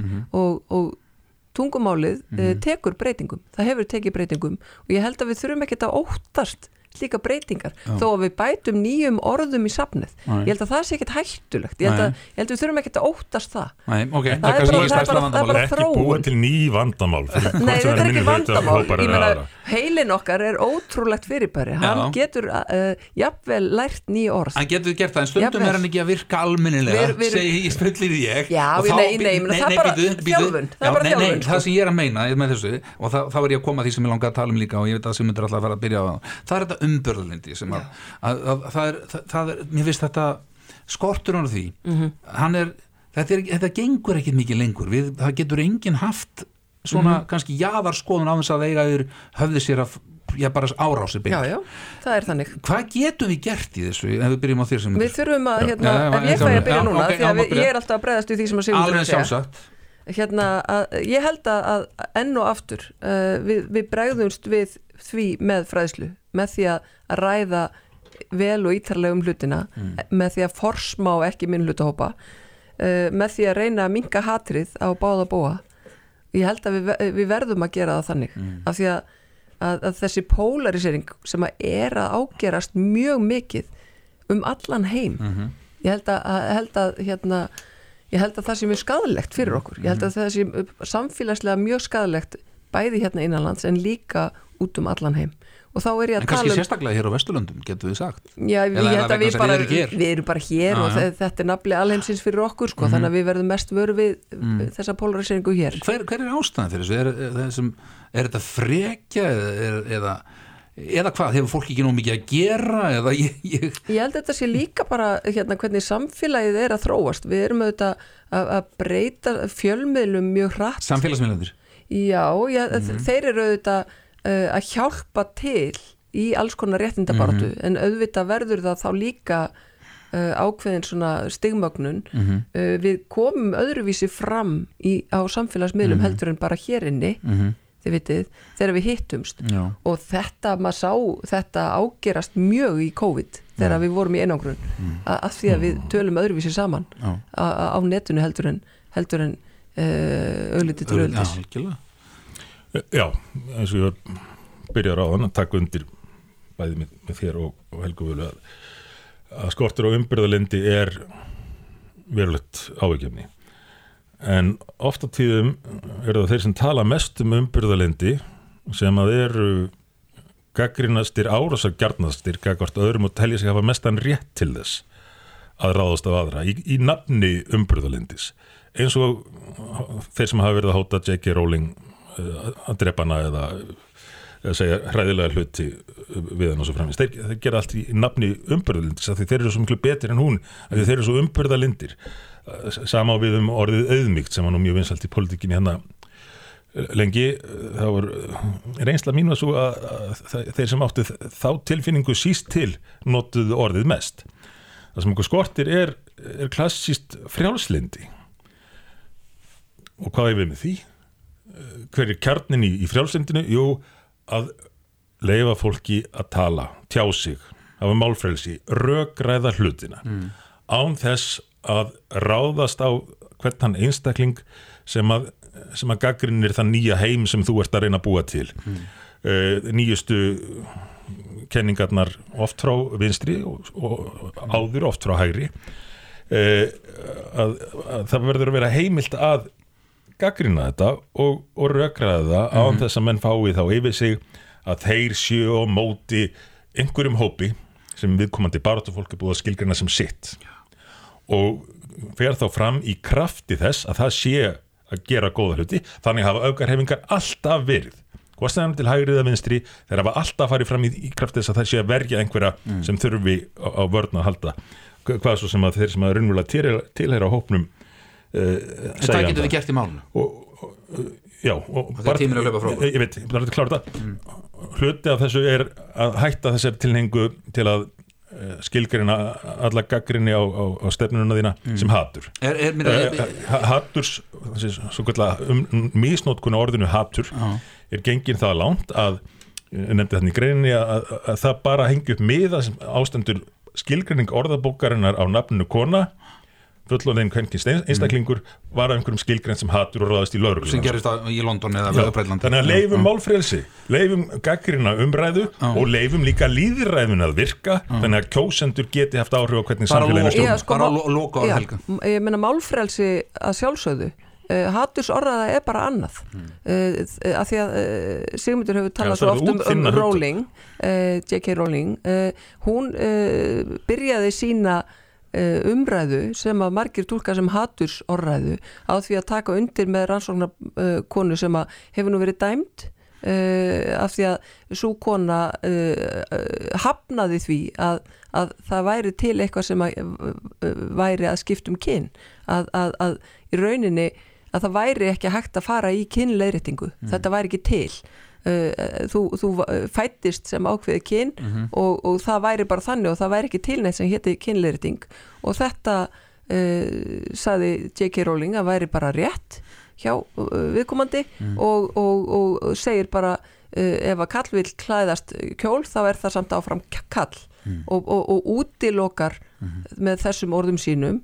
Og aftur, hún er auðvitað valdakona hún útilokar þarna ákveðin minnulötu og þeirra baráttu algjörlega. Já. þannig að ég eh, hérna, verð að segja uh, hennar barátta það, er, það er erfitt að taka hana alvarlega þegar að, þegar að á þessum verðskuldi endilega svona Nei, ég meina, það, það já. hlýtur að mega mótmæla því það Já. er mitt tjáningafrelsi Já, að mega mótmæla Já, já. hennar orðum og segja ég, ég bara hef fylgst með fólki Já. fara í gegnum leiðréttingu en orð geta líka verið ofbeldi eins og við þekkjum sko Ég meina svona orð geta verið ofbeldi það er svona þú hafnar tilvist annara mannesku segir bara þú ert ekki til ok. Þarna vantar nú er Róling hérna- hefur ekki sagt neitt hattusfullt. Hún, hef, hún hefur fullan skilning og, og síni stuðning gagvart transfólki. Nei, hafi- hafi... hún hafnar því bara. Hún segir að þetta ekki til. Hún segir bara, uh, hún segir bara klættu þið eins og þú vilt uh, uh, hérna, uh, sofði og- á það sem þú vilt uh, elska á það sem þú vilt en það skiptir kyn Já, ekki ég, til. ég, ég, ég tek undir það að- að fólk er að fá að skilgrina sig eins og, eins og það vill og ég hef, e- mér finnst ekkit vandamál að líta á einhvern uh, sem að fættu sem kall sem, konu ef mm. við komum vil skilgrina sig þannig eða öfugt. En uh, þetta, se- það, er samt sko einhver raunveruleiki þarna. Það sem, og raunveruleiki sem að margt transfólk uh, viðurkennir og, og telur ekki gagna því að einhver, einhver, einhver öfgamenn séu að ruggla í, í þeirra baráttu. Og hl- hluti af því er bara til að nefna eitt dæmi aftur til dæmis þáttak í íþróttum. Það er ekki það sama hvort, á hvaða kyni þú fættist Nei, við komumst í miður ekki lengar með þetta uh, látum þetta verða að loka orðin sem endilega talaði við veigu. Eh, við erum búin að tala við þau í bítinu. Gott. og það var mjög áhugavert viðtal satt best að segja. Og ég mæli með því að fólk fari inn á bilgjan.is eða vísi og finni það viðtal. Að komið þar áhugaverð að hliða fram. Simundur Gunnarsson, Helga Vala Helgadóttir kæra Takk. þakkir. Takk fyrir. Já, hingaði komin Jakob Fríman Magnússon sem að nú margir þekkja. Þar nú margt valla kynna, velkomin Jakob. Takk fyrir. um, Þú situr í nefnd uh, á Alþingi sem að um, heitir framtíða nefnd og einhver kynnu að segja, jæja, eru þá stjórnmálamennin loksins fættir að huga framtíðinni hver, hvað er, hver, er tilgangur með þessari nefnd beint? Já, allir mætti ekki segja að þessi framtíða nefnd sé sko hefði átt að vera löngu komin. Já, Finnar settu slíka nefnd á fót fyrir, já, hálfri öll cirka bát Mhm. og, og um, að gera mikið með sína framtíða nefnd. Hún er mjög öflug og sennilega svo fremsta í heimi. mm Uh, Þessi framtíðanandi er nú kannski, uh, já, núna komin á, á inn á vettvangi þingsins en, en hófsteira í fórsættisáðanetti Katrínar á síðasta kjörtíðanbili. Hún má nú eiga það um Katrín Jakobsdóttir, hún hugsa dálítið út fyrir hefðbunna bóksið og er með áherslu sem er ekki endilega svona hennar hefðbunnu áherslur íslensk pólitísks þrass en, en sko hún, hún, hún setti á fót framtíða nefnd sem að starfaði á síðasta kjörnjafnbili -hmm. og uh, hann smári með kartívetti henni í forstöðu og það var ansi flott vinna unnin uh, skýrsla sem að uh, talaði um svona íslensk samfélag 2035 til 2040 um þróun atvinnlýs um hverju spygðar og líðræðislegra þátta Mm. Og Smári skrifaði þetta nú að stórun hluta eh, en svo núna þegar við tökum til starfa í haust þetta var eina nefndin sem ég óskaði eftir að, að vera í Já, ok. en svo er ég í utanriksmálu nefnd og umhverfis og sangöngu líka og, og, og svo hef ég farið inn í vestnorræna Mhm. starfið en, en sko það sem að er áhugavert við þetta er að, að við erum þetta núna komin inn í þingungferfið og það erum með starfsmann hann Sigurborgu sem er mjög öflug kona og, og, og við hófum starfið á því að teikna upp hvað við ætluðumst fyrir og hvað til hvers væri ætlast af okkur. Mhm. og það er svona kannski við erum komin eftir uh, nokkru mánuða vinnu inn á svona einhvers konar tema sem er sko hvernig tækningbreytingar geta leitt til sjálfbara og, og sangjarna umskipta í, í þáu velsældar en svo eru tilbriðin við þetta megin stef svo fjölmörg og við erum að kalla inn framtíðarfræðinga og sérfræðinga af ymsum toga Mhm. til þess að, að hérna, huga þáttum eins og við skulum segja bara fæðu öryggi, umskipti haggerfinu og endur skoðun á hefðbunnu gildum til dæmis til að koma í veg fyrir streitu kvíða og þunglindi sem er svona landlægt hér því miður og svo gerðum við eitt sem var afar uh, gaglegt við fórum og þáðum bóð finsku framtíðarnefndarinnar um að, að kynnast störfum hennar. Og hvað hafði hún fram að færa? Já, hérna, það er nú það merkilegt? Alveg stór merkilegt. Ok. Þetta er 17 manna nefnd með gríðalegt starfslið. Og, og, og finnum hefur nú farnast alveg þokkalega sko í, í svo mörgu. Þeir eru þetta er velferðarsamfélag með framsækna hugsun og, og þeir eru þekktir að svo, skulum segja, góðri hönnun og hátækni og mentun og eins og þeir eru með uh, framtíðarfræði í miskusti fjórum háskólum sem, sem val í bæði BA og Masters programmi uh, finska þjóðin uh, hlaut að gjöf frá finska þinginu árið 1967 uh, Sítra sem er einhvers konar uh, framtíðar fjárfestingarsjóður Mm.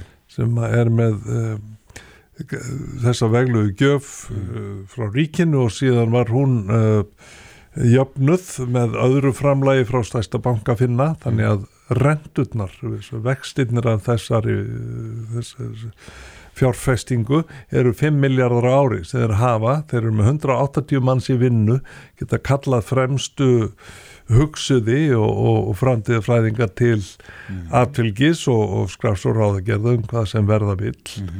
Og, og er að vinna alveg gríðilega gott og merkileg starf og síðan að fjárfesta í, í, í hérna því sem er svona tengt framtíða músík. Við fengum uh, heilan dag með framtíðan en tvinna, gríðarlega rösnalegi við okkur og, og, og tilbúin að verja miklum tíma. Og svo annan heilan dag með þessum sítra sem er þessi framtíðar sjóður með þessum 180 starfsmönnum og öllu því sem þar er undir. Og við, við getum sagt sko það er auðvitað uh, uh, gildin og, og það sem að við skulum segja menn sjá fyrir sér hvað verða vill þegar það búið að greina það sæmlega vel, nú þá getur við farið að taka ákvarðanir sem að miða að því að, að bestun uh, framtíðar sínanir getur sagt eins og í transporti sko borgarlínu pælingin til dæmis. Um, margir spyrja sig þegar hún er þið loksins komin á lakirnar er ekki allir bílar á þessum sjálfkeirandi og, og þurfum við eitthvað uh, public transport á uh, bara dæmi ég meina við erum að tala um uh, allt rafmynda umhverfið það er uh, dæmi um eitthvað sem er í þróun en verður óhjákamilega Já.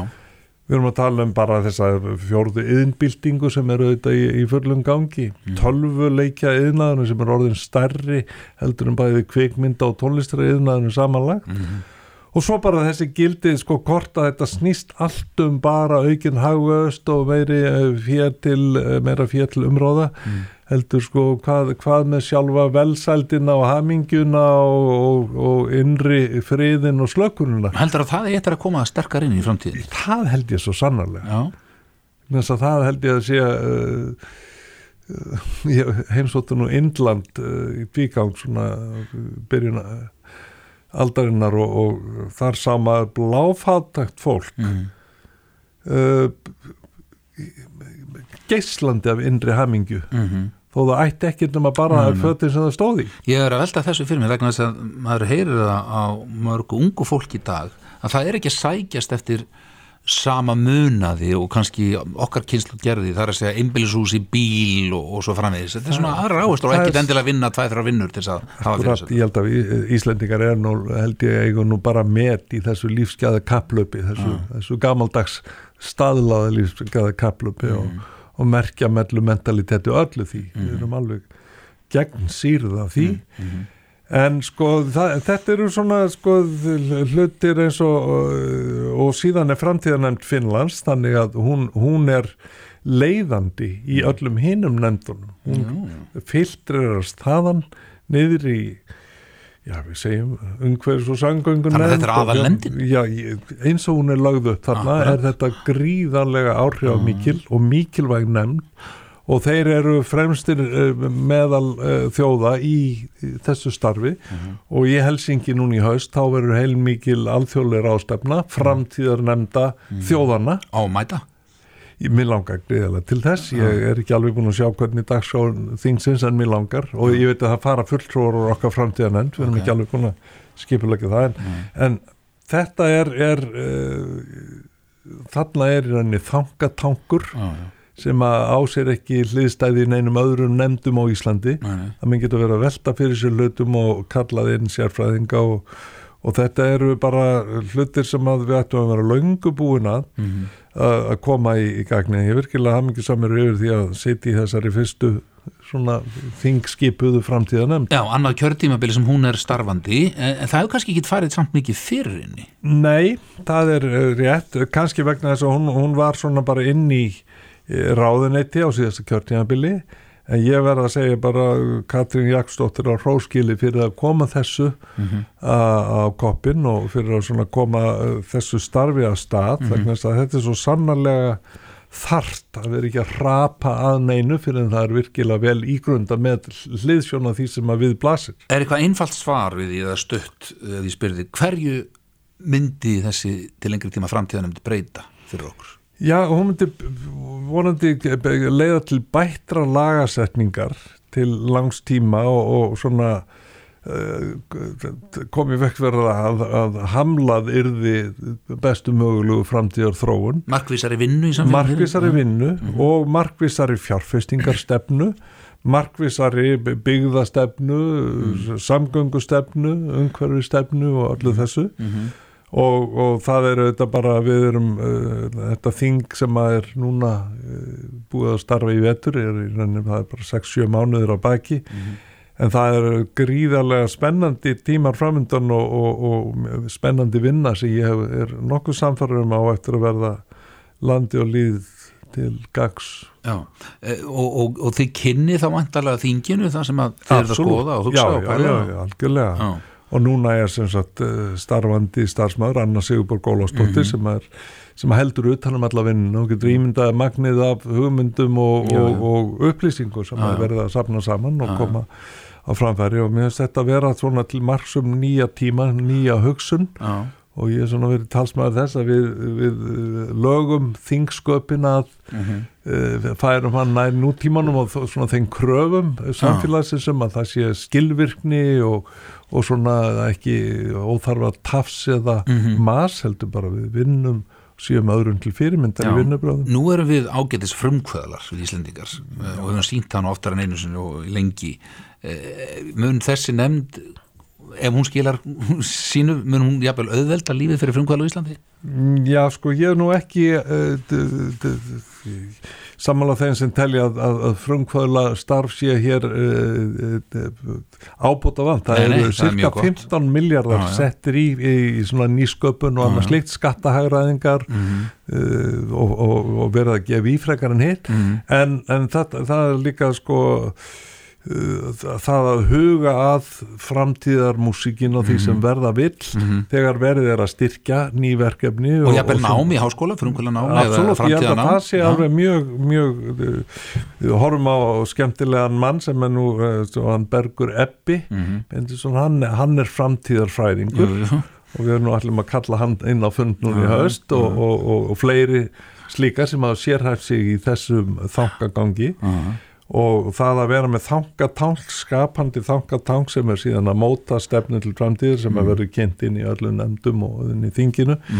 Ég held að þetta sé vel tímabært og, og, og við getum lært svo gríðarlega margt af finnum og öðrum sem eru komnir mun lengra en við í þessum efnum. Mjög áhugavert, Jakob Fríman Magnússon Alþingismæður, kæra þakkir fyrir þetta. Bara ljúft og skilt þá lítið var. Já, fylgjust vel með þetta framtíðanemnd Alþingis en lengra komumst við ekki uh, í sprengisandi uh, þessu sinni. Kristján verður að sjálfsögðu hérna á, á sínu stað eftir viku en Heimi Karlsson þakka fyrir sig, verðið sæl